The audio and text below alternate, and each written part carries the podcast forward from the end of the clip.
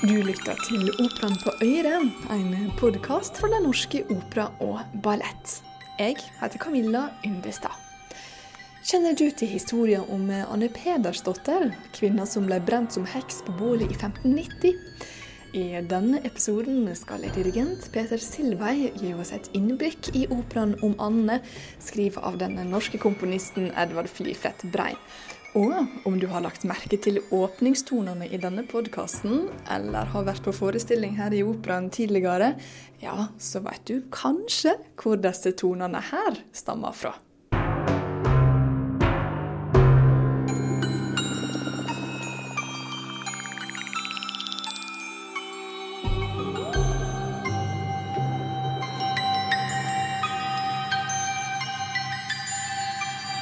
Vet du eh, hvor kjenningsmelodien som kaller inn til forestilling stammer fra? Nei, det gjør jeg ikke. Nei, det vet jeg ikke. Men jeg har skjønt at det er um, Tenker du på den til hovedscenen? Jeg, har, jeg tror det er um, Bjørn Kruse som har arrangert den. Men hvor den kommer fra, det vet jeg ikke. Nei, det vet jeg ikke, faktisk. Det er vel oppvarming for å stemme instrumentene. ja, jeg vet det, men jeg husker ikke. Uh, nei, eller jeg mener kanskje jeg har hørt at uh, noe orkester lagde en gang. Men uh, jeg er ikke sikker. Nei, det er nok ikke det heller. Etter ei lita runde blant ansatte på operaen, er det faktisk bare én av de spurte som kan svaret. Det er Anne Pedersdotter.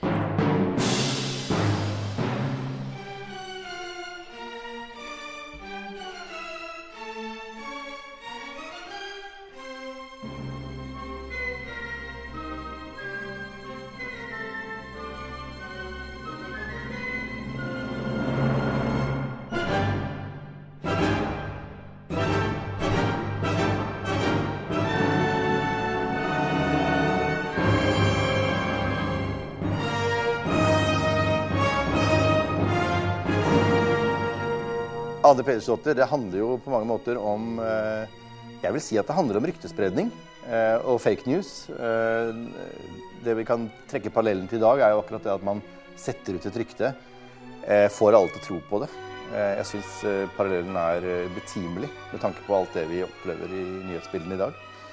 Altså at man setter ut et rykte om at et menneske er heks og har gjort forferdelige ting, og så får man folkemassen til å tro på det, og så får man den samme folkemassen til å jage deg på bålet. Sier dirigent Peter Silvei.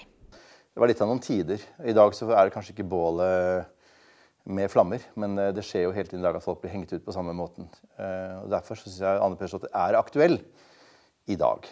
Det handler om denne presten i Bergen, Absalon Beyer. Han er gift med Anne, som er 40 år yngre. Og Absalon har en sønn som heter Martin.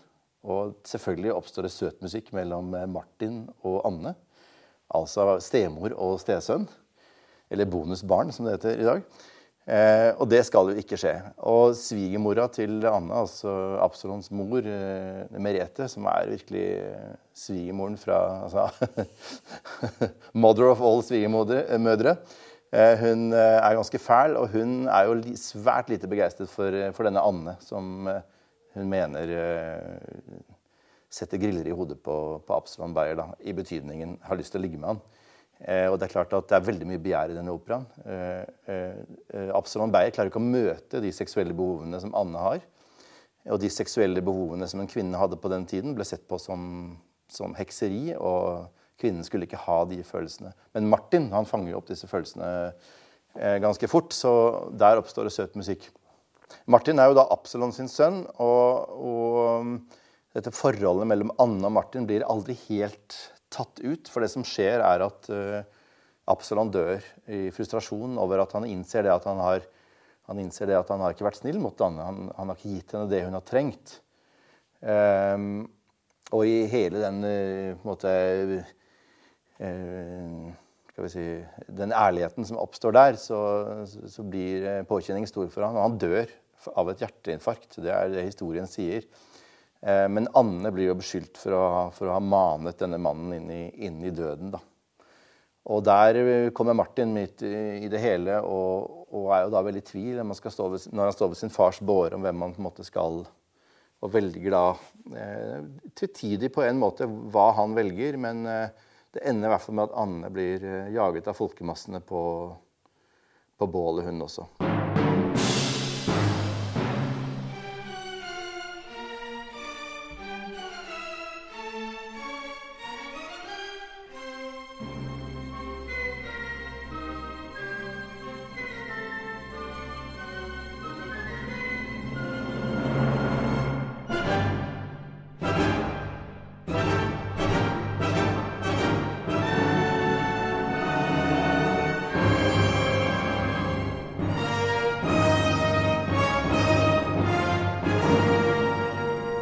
Edvard Fliflet Brein sin musikk er jo enten eh, Han har en veldig humoristisk side, og så har han denne alvorlige siden.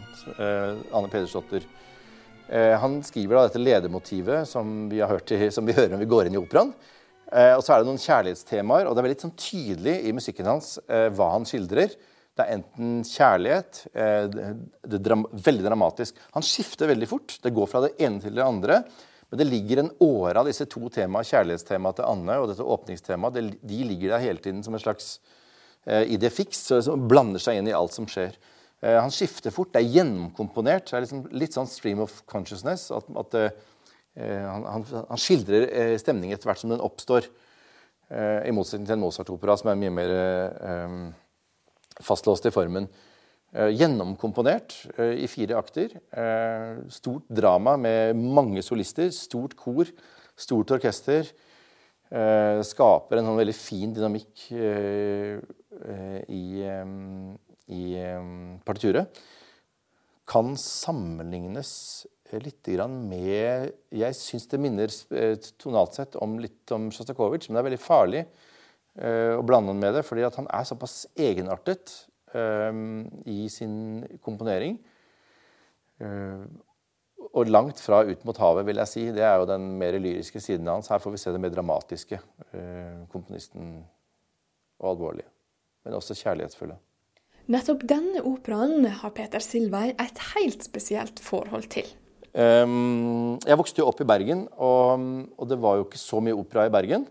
Det var jo mest symfonikonserter med Harmoniens orkester, som det het den gangen. Og av og til så kom det besøk fra Norsk Opera og da, med Riksoperaen. Da var det det som kaltes Riksoperaen da. Og da var det Harmonien som spilte med supre solister fra, fra Norsk Opera. Og det var Figaros bryllup og, og Tosca. Og, men så kom plutselig Anne Pedersdotter, og det hadde jeg aldri hørt om. Eh, knapt hørt om Ut mot havet av Edvard Fiflet Brein.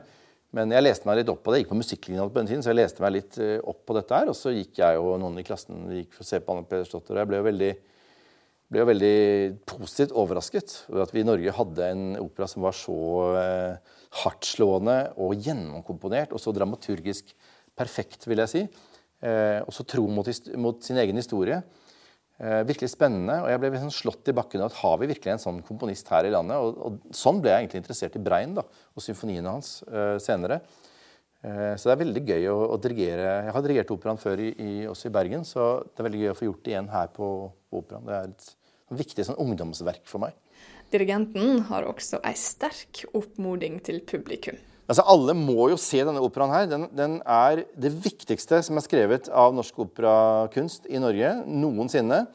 Eh, det fins mye annet bra, ikke misforstå meg, men dette er et sånt kjernerepertoar. Og jeg har hørt en historie om at eh, tidligere musikksjef Papano sa at dette var et så viktig verk at alle repetitørene på operaen måtte lære det utenat.